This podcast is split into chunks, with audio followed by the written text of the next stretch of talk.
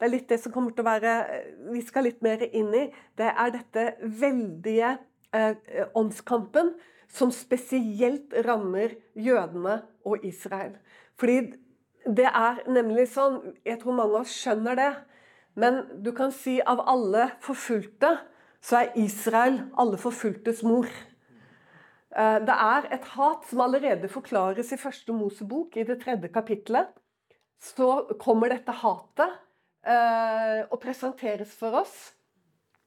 At et folk som kommer under forfølgelse mer enn noe annet folk, det er nemlig det folket som Gud skal sette til side og bruke for sin egen frelseshistoriske eh, plan, høres så på en måte så oh, 13 ut eller verdslig ut, men, men eh, rett og slett et folk som han lager, som han har født, som han har formet, som han har dannet. Og han varsler denne ætten ved den første profetien i Bibelen som tales over Satan i Bibelen. Og det kommer i det 15. verset i det tredje kapittelet. Og det er over slangen, over Satan, at Gud, som en konsekvens av det som han har lykkes i Ved å, eh, ved å få fallet inn, synden, og derigjennom ta fra oss livet og innføre døden. Han har lykkes, men det kommer en konsekvens fra Gud over dette. Ikke som at noe er nytt for Gud, men jeg må tale allikevel på en forståelig måte. Men det kommer en konsekvens, og den er det som tales der i det 15. verset, på uh, denne måten. Og jeg vil, sier Gud. Dette er jo alltid den klassiske måten Gud taler, det profetiske. Det er alltid dette 'jeg vil'. Ikke sant? Og så kommer det 'Hva vil du, Gud, gjøre?' Jo, jeg vil sette fiendskap mellom deg og kvinnen, og mellom din ett og hennes ett. Han skal knuse ditt hode, men du skal knuse hans hæl. Utrolig! Vi er i tredje kapittel, i begynnelsen av Bibelen. Så kommer det en profeti om en ett. Som her står altså Jeg vil sette fiendskap mellom deg og kvinnen, og mellom din ett og hennes ett. Og så står det altså at han Han kommer liksom litt ramlende ned her. Så kan du si ja, det kan jo peke tilbake på ett. Jeg tror ikke det. Det er den første Messias-profetien i Bibelen som kommer av denne ætten. Kanskje egentlig en forklaring på hvorfor fiendskapet med kvinnen kommer. Fordi hva er det han skal gjøre? Han skal knuse ditt hode! Og da må det jo bli et fiendskap. Selvfølgelig. Slangen skal da ikke frivillig få sitt hode knust. Men det er en ett og en han som kommer ut av en ett, som skal stå for hans totale ødeleggelse. Og det er han. Og det er en fantastisk profeti. Og i dag eller her i kveld. Og i kveld Så kan du si videre at vi gikk fra første Mosebok til Johannes' åpenbaring i løpet av én kveld. Og det er det vi gjør nå. Nå skal vi bare ta hele den store, tykke Bibelen, og så skal vi gå helt til avslutningen, siste bok i Bibelen. For der hvor Bibelen begynte med kvinnen og slangen og han, der slutter Bibelen med kvinnen og slangen og han. Tolvte kapittel i Johannes' åpenbaring. Så vanskelig som åpenbaringsboken kan være, og dens bilder kan være vanskelige, men husk at Bibelen alltid tolker Bibelen. Du kan aldri begynne å trekke inn andre ting. Liksom, og tenke liksom, ja, nå skal vi liksom, Hva kan dette bildet være som kommer i tolvte kapittel, som Johannes fikk se? Han fikk se et bilde. For at Gud ville forklare noe for Johannes, Så han med en gang skulle skjønne hva han så. Og hva er det dette bildet som åpner seg foran i tolvte kapittelet? Og det er jo et fugleperspektiv av en annen verden. Et stort tegn ble sett i himmelen. En kvinne. Kledd med solen og månen under hennes føtter, og på hennes hode en krone av tolv stjerner. Du vet at man kan bli litt forvirret og tenke at ja, det må være Maria. Altså Sånn har man da sagt opp igjennom i den katolske kirke. Og dere har sikkert sett kanskje også sånne bilder som er laget av Maria, med stjerner, tolv stjerner, og månen og solen under sine føtter. Denne kvinnen er tolket i Bibelen. Selvfølgelig. Drømmen til patriarken Johan, eh, Josef, hva var det han drømte for noe? Han drømte jo nettopp om sin slekt. Sin slekt. Etter Jakob. Han er en av Jakobs tolv sønner. Nå må dere følge med litt. Skjerpe, skjerpe. Sant? Må tåle litt bibelhistorie her. Altså, det er tolv sønner av Jakob. Da blir Israel en realitet. Fordi de tolv stammene, de tolv sønnene ble til tolv stammer. ikke sant? Og Josef er en av dem, og han hadde en drøm Og han så mor og far som månen og solen, og så så han elleve stjerner. Han selv var den tolvte. Så når Johannes ser dette synet, så vet han hva han ser. Han ser kvinnen, han ser Israel. Han ser folket. Og hva er det med henne? Hva er det med henne? Jo, hun er svanger, står det i min gamle 1930-oversettelse. Hun skal føde. Så hun eh, er i barns nød, i pine. Og det er noe mer. Og så er Satan der. Fordi han står klar for å ta dette guttebarnet idet det blir født. Og plutselig så er vi inne i juleevangeliet med Matteus, er vi ikke det? I hele forsøket til Satan med å ta han idet han har blitt født, med å utrydde alle guttebarn i Betlehem fra to år og nedover. Vi er der i konfrontasjonen. Se dere? Hva var det for noe? Jeg vil sette fiendskap mellom deg og kvinnen, mellom hennes ett og din ett. Han skal knuse ditt hode, og nå holder han på å fødes fra Israel. Han er på vei. Han som skal bli Satans endelekt. Halleluja. Og han er der, Satan, som en rød drage, står det her i vår oversettelse. I mange engelske så står det 'serpent', slangen. Johannes sier litt lenger ned i kapittelet at det er den gamle slangen. Sant?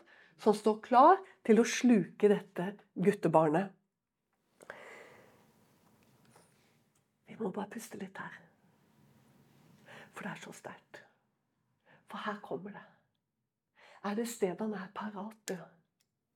Så er det her nå, når hele meningen dypest sett med det folket han har tilsidesatt, er i ferd med å komme inn i verden.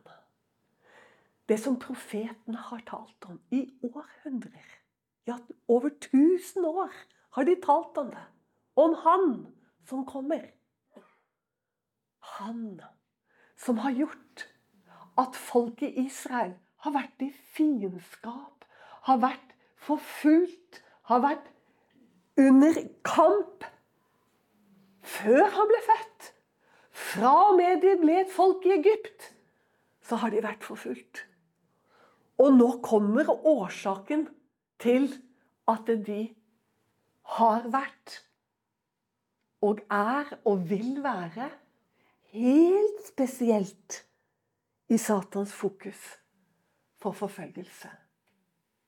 Og det hodet, det dukker opp litt spesielt når Guds profetiske ord holder på å oppfylles. Da dukker dette, hva skal du si, syvhodede uhyre. Hva? Med horn og med kroner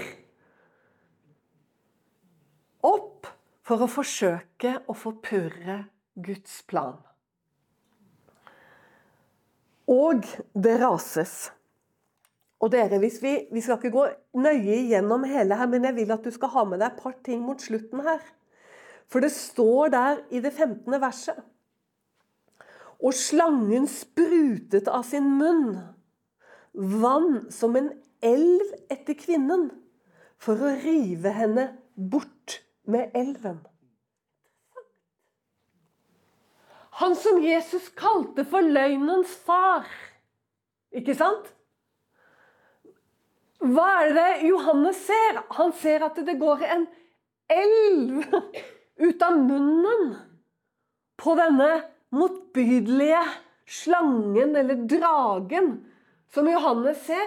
Det går en elv ut av munnen. Det er jo et unaturlig bilde.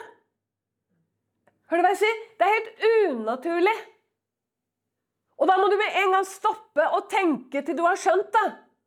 Hvorfor går det en elv ut av munnen på han? Og så skjønner du det. Løgnen. Han har spydd løgn som en elv etter dem. Han har brukt munnen sin imot dem. Hele veien. Ifra de ble et folk i Egypt til 7. oktober, så bruker han sin munn til å forsøke å få henne vekk og få henne ødelagt. For det er ennå ikke for sent oppi hans hode.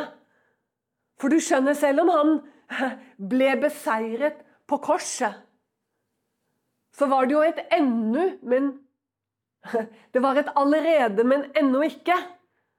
For du skjønner det, hodet hans er jo ikke knust ennå. Men han ble beseiret. Men han skal jo selvfølgelig knuses fullstendig. Så han raser, for han har kort tid igjen. Og han raser spesielt ved historiske begivenheter når det profetiske ord holder på å gå i oppfyllelse. Da kommer dette uhyret opp av havet. Og det er jo det Johannes ser og På slutten av kapittelet så står det ikke 'og jeg sto ved havet', som det står i noen oversettelser. Han stilte seg ved havet, nemlig Satan. Og så når du blar om til 13. kapittelet, så står det om at han kommer opp igjen som dyret.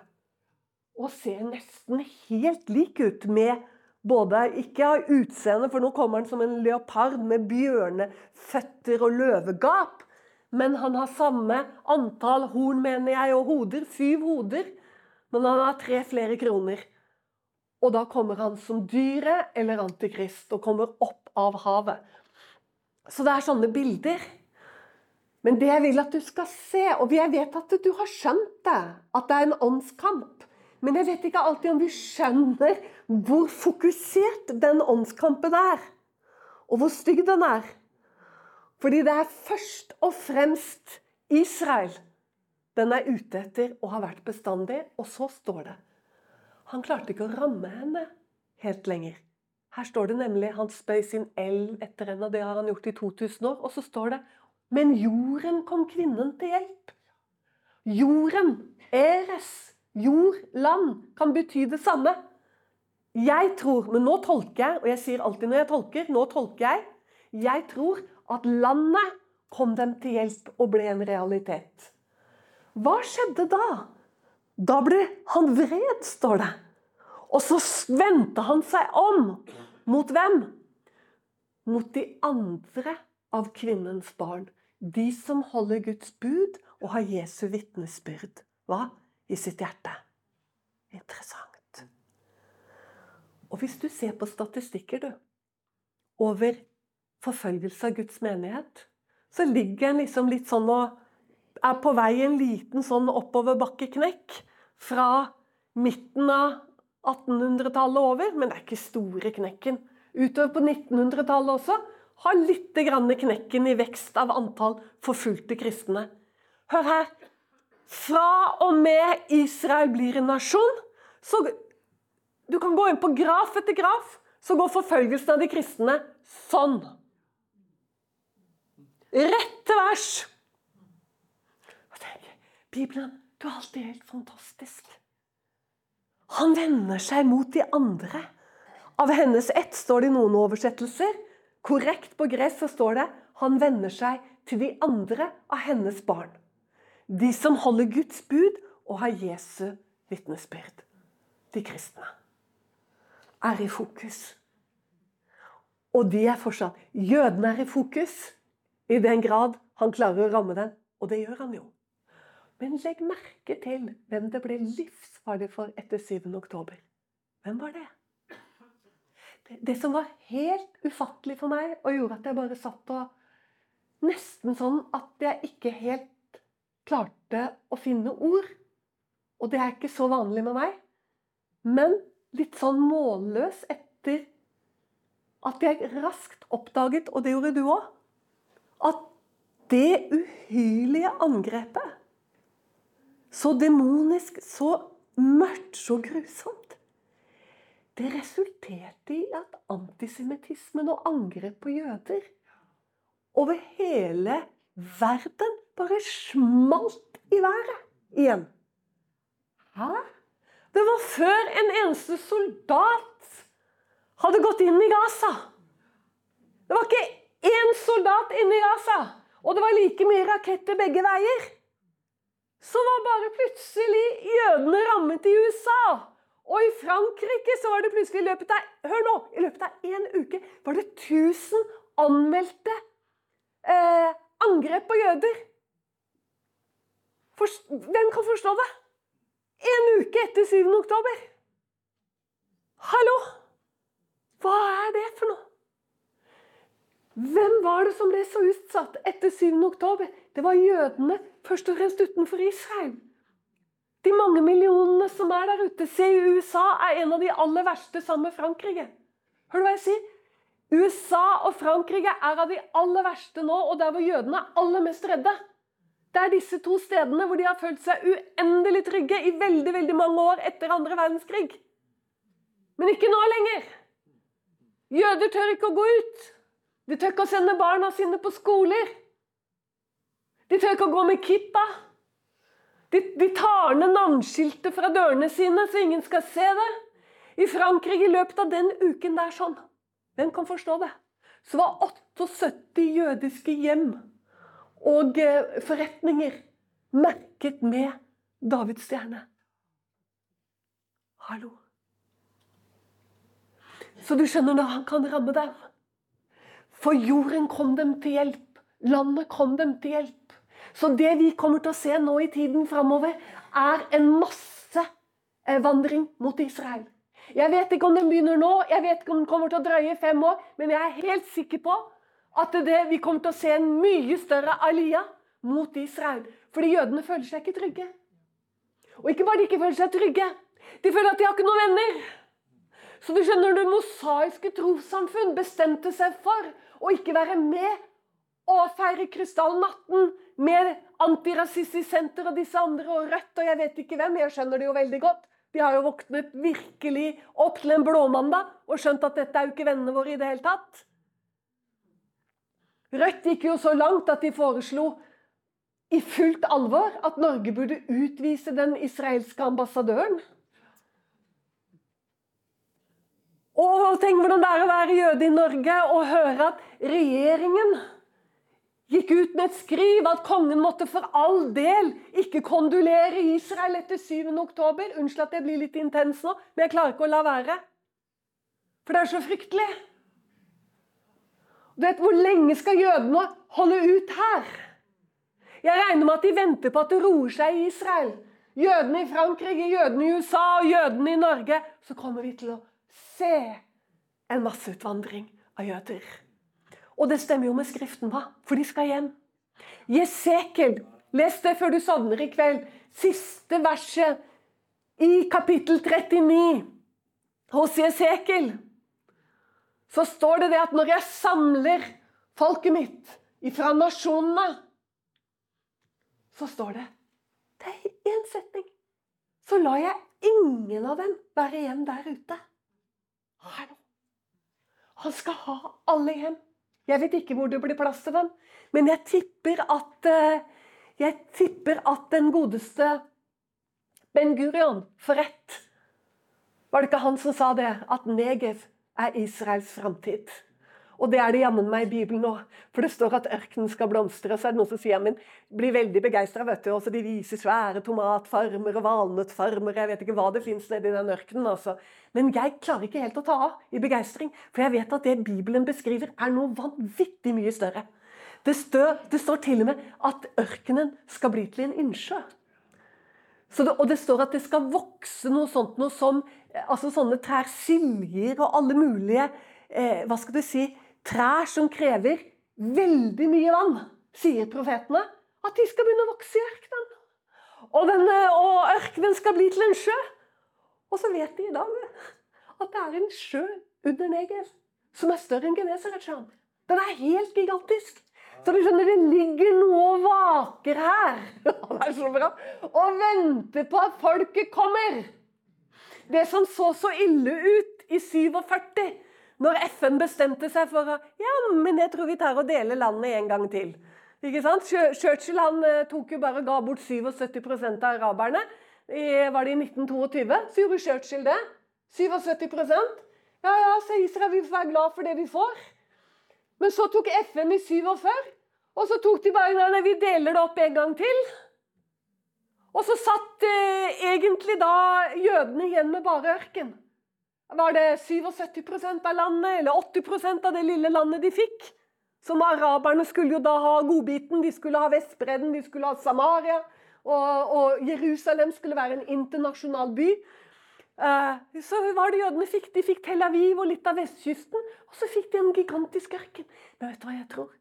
Akkurat som Ben Gurion, for å holde motet oppe ikke sant? til alle sammen, så sa han Neger kommer til å bli framtiden vår, sa han. ikke sant? Han satt med den tørre ørkenen. Men det, saken er vet du, at han kommer til å få rett. Han kommer til å få rett. Så, så, så, Og ikke vet jeg hvilke planer Gud har videre. Garantert så har han videre planer utover Negev også. Det kjenner vi også fra Bibelen. Men hjem skal det. Og det står i Bibelen at først så sendte jeg fiskere. Og så kommer det hva da? Jegere. Og hvis du trodde at det var jegere, og at de har holdt på en stund, så tror jeg at de jegerne de har blitt enda farligere. Så nå haster det med å komme seg hjem. Og jeg eh, er litt sånn ekstra engstelig for de russiske jødene. Det er ikke så rart, for de har hatt så mye med Russland å gjøre opp igjennom. Så jeg kjenner litt ekstra på de russiske jødene som er igjen der. Og så hadde jeg en drøm for noen måneder siden, og jeg pleier ikke å drive og gå rundt og rope om drømmer, men det skjer en sjelden, sjelden gang. Og da så jeg at ortodokse og muslimer slo seg sammen mot jødene i Russland. Og så gikk jeg i drømmen for å finne et sted å be. Først så prøvde jeg å si noe til dem, at det er ikke jødene sin skyld. Fordi jeg hørte de begynte å prate. Menneskemassene begynte å si at det er jødenes skyld. Det er jødenes skyld. De ortodokse sa det var jødenes skyld, og muslimene sa at det var jødenes skyld. Og så prøvde jeg å gå bort til noen av dem og si at det er ikke jødene sin skyld. Men det var ingen som ville høre han meg, og jeg kjente det ble farlig rundt meg. Og så eh, gikk jeg ned og under en sånn der gammel steinbro for å liksom gjemme meg litt unna. Men der satt jeg og ba, og så våkna jeg. Og da tenkte jeg vi må be for de russiske jødene. Vi må be for de russiske jødene. At de kommer seg ut nå. Fordi at eh, plutselig så kommer de seg ikke ut. Jeg vet ikke engang om de kommer seg ut, for å være helt ærlig. Jeg vet ikke om du lovlig kan komme deg ut av Russland. Og om du kommer deg ut, hvor skal du komme deg inn? Russere kommer jo ikke inn noe sted. Så med russisk pass, hvor skal de komme seg inn? Det er Israel. Det er ingen annen vei. Men hvordan skal de komme seg til Israel? Hvilken vei skal de dra for å komme dit? Jeg vet ikke. Krig det er veldig, veldig vanskelig. Veldig vanskelig tider. Men da har vi profetordet, som hjelper oss også med den saken. Og det står i Jesaja 49. For der står det om at Gud, eh, Jesaja får se dette her. Og jeg vil gjøre alle mine fjell til veier. 11. verset. Og mine ryddede veier skal bygges høyere. Og så står det Se, de kommer langt bortefra. Noen fra nord, og noen fra vest, og noen fra Sinims land. Juble, dere himler, og fry dere, du jord. Dere fjell, bryt ut til frydesang. For Herren trøster sitt folk, og over sine elendige forbarmer han seg. Sion sa, 'Herren har forlatt meg'. Herren har glemt meg. Det var jødenes røst. Den spede Hatikva. Hører du Hatikva-sangen? Ut av holocaust. Håp. Er det håp fortsatt? Herren har forlatt oss. Så sier Gud igjennom Jesaja, glemmer vel en kvinne sitt dine barn, så hun ikke forbarmer seg over sitt livs sønn? Om også de glemmer, så glemmer ikke jeg deg. Se, i begge mine hender har jeg tegnet deg. Dine murer står alltid for meg. Halleluja. Hvordan Gud kan bruke sine profeter opp igjennom. Og så står det litt tidligere så står det at 'jeg gjør alle mine fjell', det var det ellevte verset, 'til veier', og mine ryddede veier skal bygges høyere. Fantastisk, dere, å følge med nå hvordan disse tingene kommer til å skje med stor hast. Problemet er, skjønner du, at Eh, jeg tror at vi har hatt litt problemer mange ganger å se jødene og se Guds plan med dem, også nå. Og spesielt nå. Og så tenker jeg Gud Når det kostet holocaust at de fikk tilbake landet Hva mener du med å si at det kostet holocaust? Jeg mener den syvhodede uhyre angrepet, for å bruke sånne ord, ifra Satan selv. Som ble andre verdenskrig for jødene. Hvorfor det? Fordi de sto på trappene til å få landet sitt igjen. Så det var ikke sånn at de fikk landet pga. holocaust. Nei, det var ikke sånn. Men holocaust skjedde pga. landet. For de hadde allerede kommet tilbake til landet i titusentall når holocaust brøt ut. Og da vet du, var det bare stopp! La ingen flere jøder komme til dette landet! Og det ble skrevet brev, akkurat som i den babylonske, etter babylonske tid. Det ble skrevet brev. Stopp dem, stopp dem, stopp dem! Og de ble stoppet. Ikke en jøde til fikk lov å fortsette å komme. Og så satt jødene fast i Hitler-Europa. Og vi vet hvordan det gikk. Det var landet. Det var kampen om landet.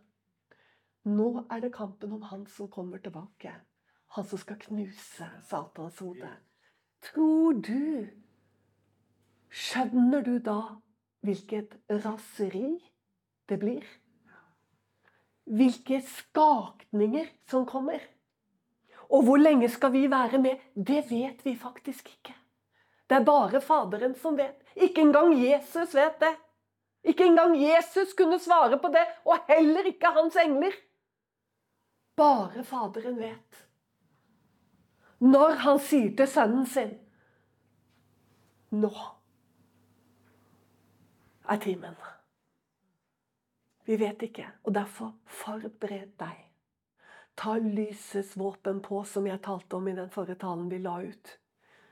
For det står det at natten er snart omme. Det står Det er Paulus som sier dette. Og han sier det i Jeg klarer ikke å komme på det selv om jeg akkurat har talt om det. Eh, er det noe som vil hjelpe meg? Natten er snart omme. Det stunder mot dag. Ta derfor lysets våpen på. Altså, du må ha lys i ordet. Du må ikle deg Kristus. Og du må hjelpe. Eller, eller hva skal jeg si? Du må be Gud hjelpe deg det er der hvor du kjenner at du henger fast. Forstår du? For vi kan ingenting gjøre i egen kraft. Men vi må bare basere oss på Guds nåde og hva Han kan gjøre i oss.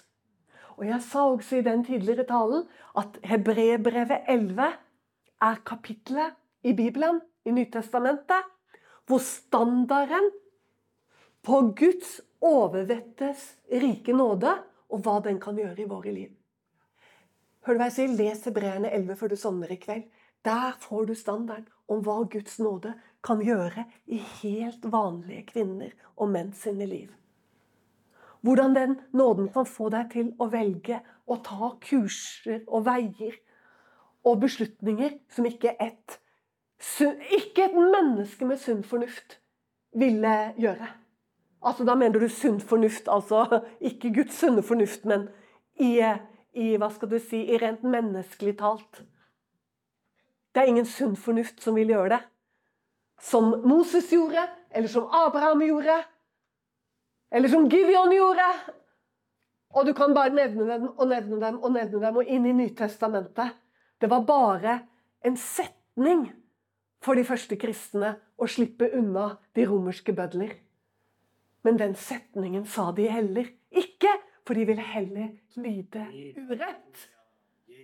Og døden Det står til og med at de hadde ikke sitt liv kjært inntil døden. sto det. Nå sier ikke jeg til deg at du kommer til å ende der, men jeg sier deg at eh, det er der, altså Bibelen og evangeliet om Jesus Kristus, den går gjennom døden. Halleluja! Halleluja. Så han skal utruste oss for en tid. Og det er det han holder på med. Og det er fantastisk. Og la oss da ta med det som står i Salme 46. Gud er vår tilflukt og vår styrke, en hjelp i trengsel, funnet så stor. Derfor frykter vi ikke. Og jo da, det gjør vi, og det kjenner vi på. Men han taler om den styrken vi kan få i Herren. Hører du hva jeg sier? Vi frykter. Jeg frykter. Men det går an å få en nåde av Gud som sier som Paulus Alt formår jeg i Han som gjør meg sterk. Dette har du ikke tilgang på i deg selv, men dette kan du få tilgang på igjennom Guds nåde. Les Hebrevbrevet 11 før du sovner. Derfor frykter vi ikke om jorden omskiftes, og om fjell rokkes i havets hjerte. Dette her er en, dette er en profetisk framlegging 1000 år før Jesus kom første gang, om endetiden. Og hele det brus og kaos som blir da. Det er det Koras barn her får lov til å se i ånden og beskrive til oss. Og det står at bølgene bruser og skummer, står det. Fjellene bever i sitt overmot. Det er jordskjelvene. Og så står det plutselig, inni alt dette braket og åndskamp og forferdelse, så står det en strøm. Den spekker gleder Guds stad. Den høyestes hellige bolig. Gud er midt i den. Den skal ikke rokkes. Det var så fint. Gud hjelper den når morgenen bryter frem. Han skal hjelpe den. Folkefærene, de bruser. Riker blir rokket. Han lot sin røst høre. Jorden smelter. Herren er skarenes Gud er med oss. Jakobs Gud er vår faste borg. Sela. Hør nå. Kom, se Herrens gjerninger. Han som har gjort ødeleggelse på jorden. Han gjør ende på krigen over hele jorden. Bryter buene i sønder og hugger spydet av. Vognene brenner han opp med ild. Hold opp og kjenn at jeg er Gud. Jeg er opphøyet blant folkene, opphøyet på jorden. Herren er skarenes Gud, er med oss. Jakobs Gud er vår faste borg. Sela. Dersom jeg kjenner dette motet jødene kommer til å få, midt inni disse skakningene som kommer, så kommer hans folk, skjønner du, til å få en spesiell utrustning og kraft. Men det er denne forskjellen på hva han skal være, et vern for sitt folk.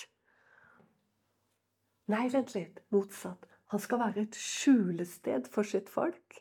Og så sier han at han skal være noe annet for Israels barn. Det er veldig spennende.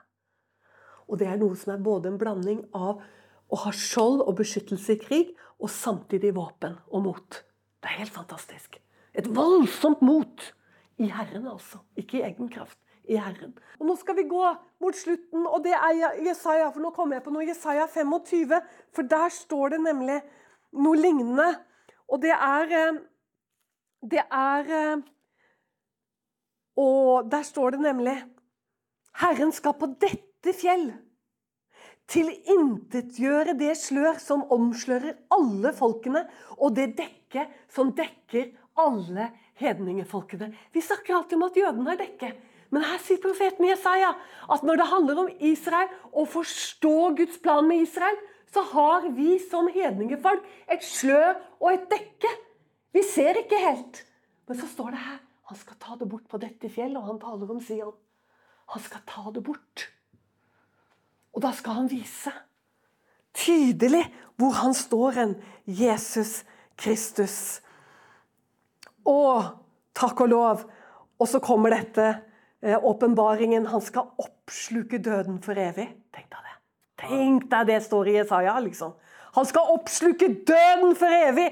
Og Herren, Israels Gud, skal tørke gråten. Han er fortsatt Israels Gud, altså. Hæ? Han er fortsatt Israels Gud. Av alle ansikter. Og hør, og sitt folks vanære skal han ta bort fra hele jorden. Israels vanære. Han skal ta den bort fra hele jorden. Klarer dere to minutter til? Gjør dere det? For du, klar, Dere bør ikke huske alt, vet du. Bare lytt. Ikke tenk at du skal huske alt, bare lytt. Og så kommer vi til å legge det ut, ikke sant? så du kan høre det om igjen hvis du har lyst. da. Det er ikke sikkert du har lyst i det hele tatt, men hvis du skulle mot formodning ha lyst, så, så, så, så ikke sitt og stress med at jeg klarer ikke å huske alt dette her. liksom. Det er ikke meningen at du skal huske alt. Eh, ja, ja, veldig fint hvis du gjør det, men Matteus 25. Der står det noe veldig underlig som ligner veldig på Joel 3.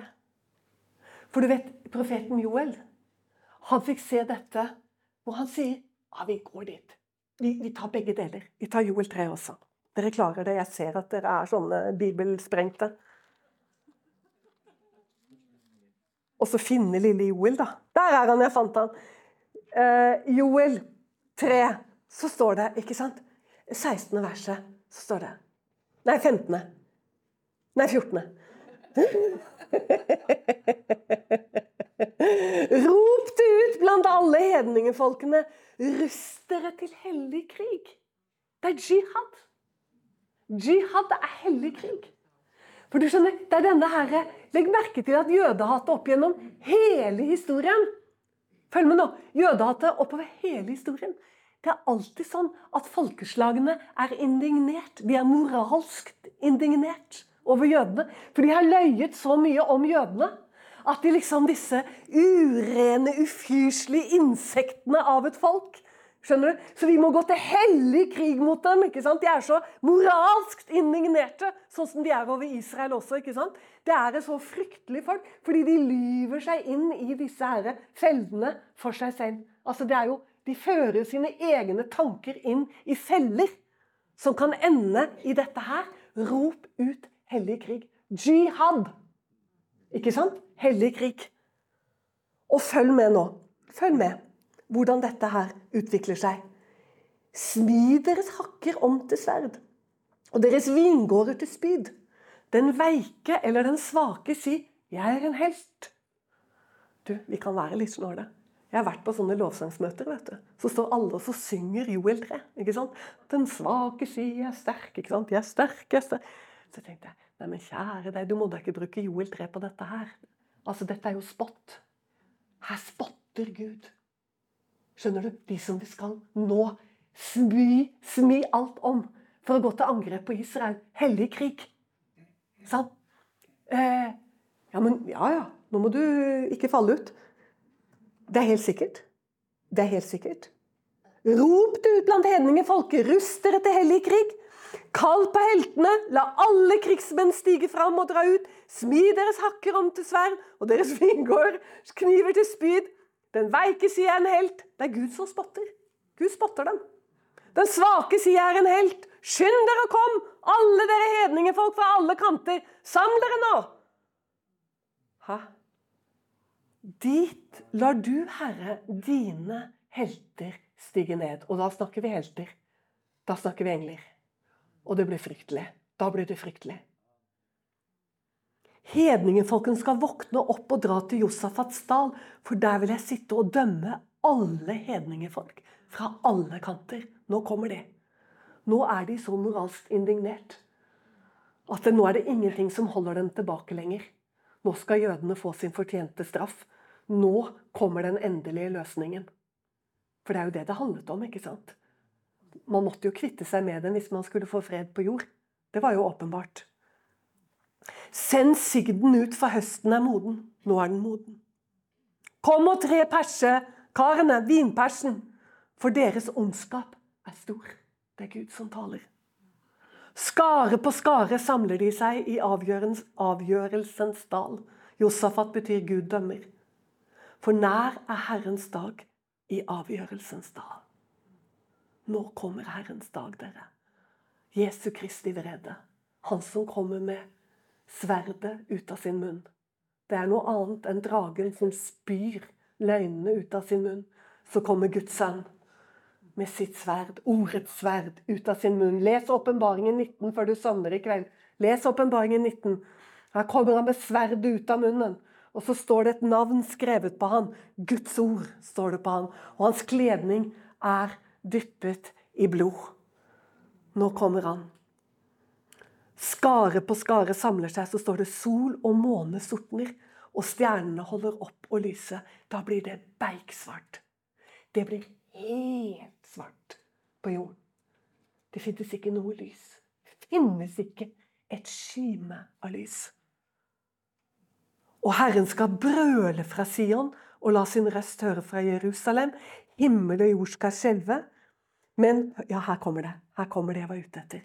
Men Herren er en tilflukt for sitt folk og et vern for Israels barn. Du skjønner, vi er ikke her, den frelste menighet. Vi er ikke her oppi dette her. Vi er nå i tilflukt hos ham. Vi er i tilflukt hos ham. Og så er det underlig at det står at han er et vern for Israels barn. Og det ordet her som på gress, det har både med altså ha våpen og mot og beskyttelse. Det er litt sånn som står i Jesaja 60, er det ikke der hvor det står at uh, mulm Mørket dekker jorden. Mulm Det er gravmørke, det. Mulm. Mulm dekker folkene, men over deg skal Herren oppgå. Skjønner du? Han verner den. Er det ikke spennende? Er det ikke bare fantastisk? Og så skal vi ta Matteus 25, og så lover jeg altså at da gir jeg meg. Matteus 25, men det var faktisk litt viktig, for det ble jeg så sånn spesielt minnet om i bønnen i dag. Så derfor må jeg ta det med til slutt. Til slutt. Matteus 25, den kjente ikke lignelsen. Men når Jesus forteller som konge Og du, det er én gang i Det nye testamentet at Jesus taler om velsignelse og forbannelse. Han gjør det aldri ellers. Men han gjør det her. Og han har fått alle hva det er etnos, står det på gresk. Alle folkegruppene er samlet foran han. Så står det at han skal skille dem. Som hyrden skiller geiter og sauer. Ikke sant? Og det er kongen som sitter her nå. Og så skal han dømme mellom dem. Og så skal han stille geitene til venstre, og så skal han stille så skal han stille sauene til høyre. Mange ganger så tenkte jeg på dette uhyggelige som tyskerne holdt på med. De kjente jo Bibelen, vet du. Som de holdt på med, med i Auschwitz. Det var hele tiden høyre og venstre med jødene. Sant? Gå til høyre. De gikk rett i gasskamrene. De som gikk til venstre. Det er bare en bi, og det bør ikke ha noe med det å gjøre. Men i dag kom det til meg, og det ble så hyggelig. Hvordan tyskerne kanskje tok direkte her og skulle lage noe guffent ut av det. Helt urettmessig, selvfølgelig. Der. Men så er det noen som har sagt opp igjennom, men det er ikke flertallet. Men noen har alltid sagt det. Hvem er disse minste brødrene? Hvem er de? Det du ikke har gjort mot mine minste brødre. Så jeg, jeg har alltid visst inni her at dette handler om jødene. Jesus snakker nemlig ikke sånn noe annet sted i Bibelen. Og det er både dette at han sier 'brødre', men hør nå, det kan han nok ha sagt andre steder, men dette at han sier 'minste'. For det er jo nettopp det som karakteriserer folket. De minste. 5. Mosebok 7,7. Hva står det der? Ikke fordi dere var noe større enn andre folk, utvalgte jeg dere, men fordi dere var de minste av alle folk. Dere var de minste. Derfor utvalgte jeg dere. Og fordi jeg elsket dere. Sånn står det. 5. Mosebok 7,7. Og her sier han at han skal dømme oss på hvordan ah, Ikke oss. Unnskyld, ikke oss. Nei, nasjonene. Her sitter han som konge med nasjonene foran seg. Og han skal skille de fra som øst til vest. Og Noen ganger så tror jeg det er ment sånn at det kommer en dom over nasjoner. Jeg, jeg, jeg går ikke videre på det. Men her er det noe utrolig. Så sier de ja, men dømme Husk at Gud sa i 5. Mosebok gjennom Moses så sier han at han fant dem i ørkenen. Han fant folket sitt i ørkenen i Egypt. Han fant dem. Og så står det at dere ble min øyesten. Eller min pupill, står det på hebraisk. Dere ble min pupill. Og Zakaria sier at nåde den som roter med Guds pupill. Og hva er det? Du ser ingenting uten pupillet. Du ser ingenting. Så Gud ser igjennom pupillen. Det er der lyset kommer inn. ikke sant? Lyset kommer inn i pupillen og gjør at du kan se. Så hvis de er hans pupill, så ser han jo ut gjennom folket sitt. Gjør han ikke det? Og så sier Jesus her at det dere ikke gjorde Altså, det kommer en dom på hvordan de har behandlet Israel. Amen, Eva. Ja visst. Ja visst. Jesaja 61 sier det samme. Når Jesus kommer igjen med hevnens dag, hva står det i Jesaja 61? Så står det for å trøste alle sørgende. Så står det for å trøste de sørgende i Sion. Altså når han kommer igjen, så kommer han for å trøste de sørgende i Sion. Han kommer for å gi dem hodepryd i stedet for aske. Han kommer for å gi dem lovprisningsklær i stedet for en vannsmektende ånd. Og de skal kalles hans terebinter, en plantning til hans ære. Han kommer absolutt som konge for å dømme folkeslagene for hva de har gjort med hans aller minste. For de aller minste er aller minst fordi Satan pekte dem ut ifra tidens morgen. Fordi de skulle føde han som skulle knuse hans hode. Opphavet, rett og slett. Så var de pekt ut og har vært holdt nede til denne dag og blitt rammet om og om igjen. Det dere ikke gjorde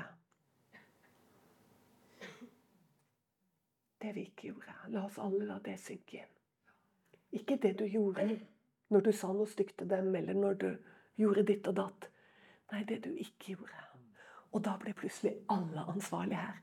For vi alle kan si at jeg har aldri sagt noe stygt til en jøde. Jeg har aldri sparka en jøde fordi han var jøde. Nei, men det er ikke det Jesus sa heller. Han sa 'for det du ikke har gjort'. Og da tenker jeg på alle gode kristne som ikke Jeg tenker på f.eks. Norges kristne råd. Som ikke hadde jeg vet ikke, Hadde de noe i det hele tatt å si etter 7. oktober? Jeg vet ikke. Jeg skal ikke dømme dem, for jeg vet ikke. Men jeg vet om veldig mange kristne som burde vært frampå og ute. Kristne organisasjoner. Jeg vet om Den norske kirke. Jeg vet om den Hva, hva, hva gjorde de? For det er ikke det de gjorde, men det de ikke gjorde. Og det er jo det som tar oss alle. For det er så lett å ikke gjøre noe nede i øynene. Fordi det er så innmari Skjønner du? Sprengkraft i dette. Og det koster noe. Det koster noe. Da er det mye bedre å ikke gjøre noe. Se på tyske, de tyske kristne. Skal ikke bare skylde på de eller de norske kristne under krigen eller de engelske kristne under krigen. Ja, det var noen som gjorde noe. Og Gud sier, 'Å, still dere på den høyre siden'. Sant? Men nå er de kanskje ikke der under den dommen, hvis de da har fått komme igjen. Sant? Men alle de andre, da, gode borgere, som ikke løftet en hånd fordi det ville kaste. Det er ikke det at de ikke følte noe og kunne ha litt barmhjertighet. Det er ikke det. Men det ville koste. Det ville koste. Det er jo det, dere. Det vil koste deg litt å stå for Israel nå. Det kommer til å koste deg. Det kan koste deg på jobben din. Så sitter plutselig alle og slenger alt mulig om jødene på jobben. Og Israel og sånn. Og så sier du, så sier du Vent litt. Jan. Hvor mye greie har du på dette her? Her. Sånn og sånn. Og så plutselig så får du bare en vegg mot deg. Det koster. Vær velsignet, sier han. Sant? Du som ga noe til den. Og jeg tenker å kle den og fø den, ja, det er jammen meg også en oppsummering på å være en venn, på å være der hos dem, på å stå sammen med dem. Er det ikke det? Når det koster. Nettopp. Og det tenker jeg er det viktigste budskapet inn i denne tid. Og da har jeg egentlig gjort jobben min her i kveld. For jeg skulle snakke om Israel i fokus i lys av vår tid og det som skjer, situasjonen. Og det er akkurat det dette handler om. Nemlig Det er utrolig lett å la være å ikke si noe eller gjøre noe. Det er kjempelett. For det kommer til å koste. Og hør nå, om det koster litt i dag, så kommer det antageligvis til å koste, hvis ikke Herren har hentet oss, vanvittig, vanvittig mye mer om fem år. Så står du ikke i dag, så står du mest sannsynlig ikke om fem år.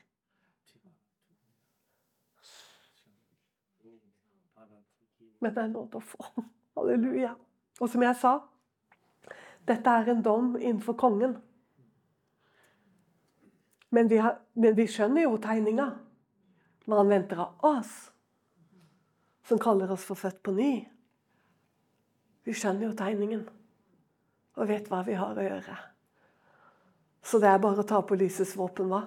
og be Gud. Nå kan du si, den svake, si 'jeg er en helt'. Ikke i egen kraft, men i kraft av den kraft Han gir. Amen. Halleluja. Stå med oss økonomisk og i bønn. Du finner oss på utentvil.com.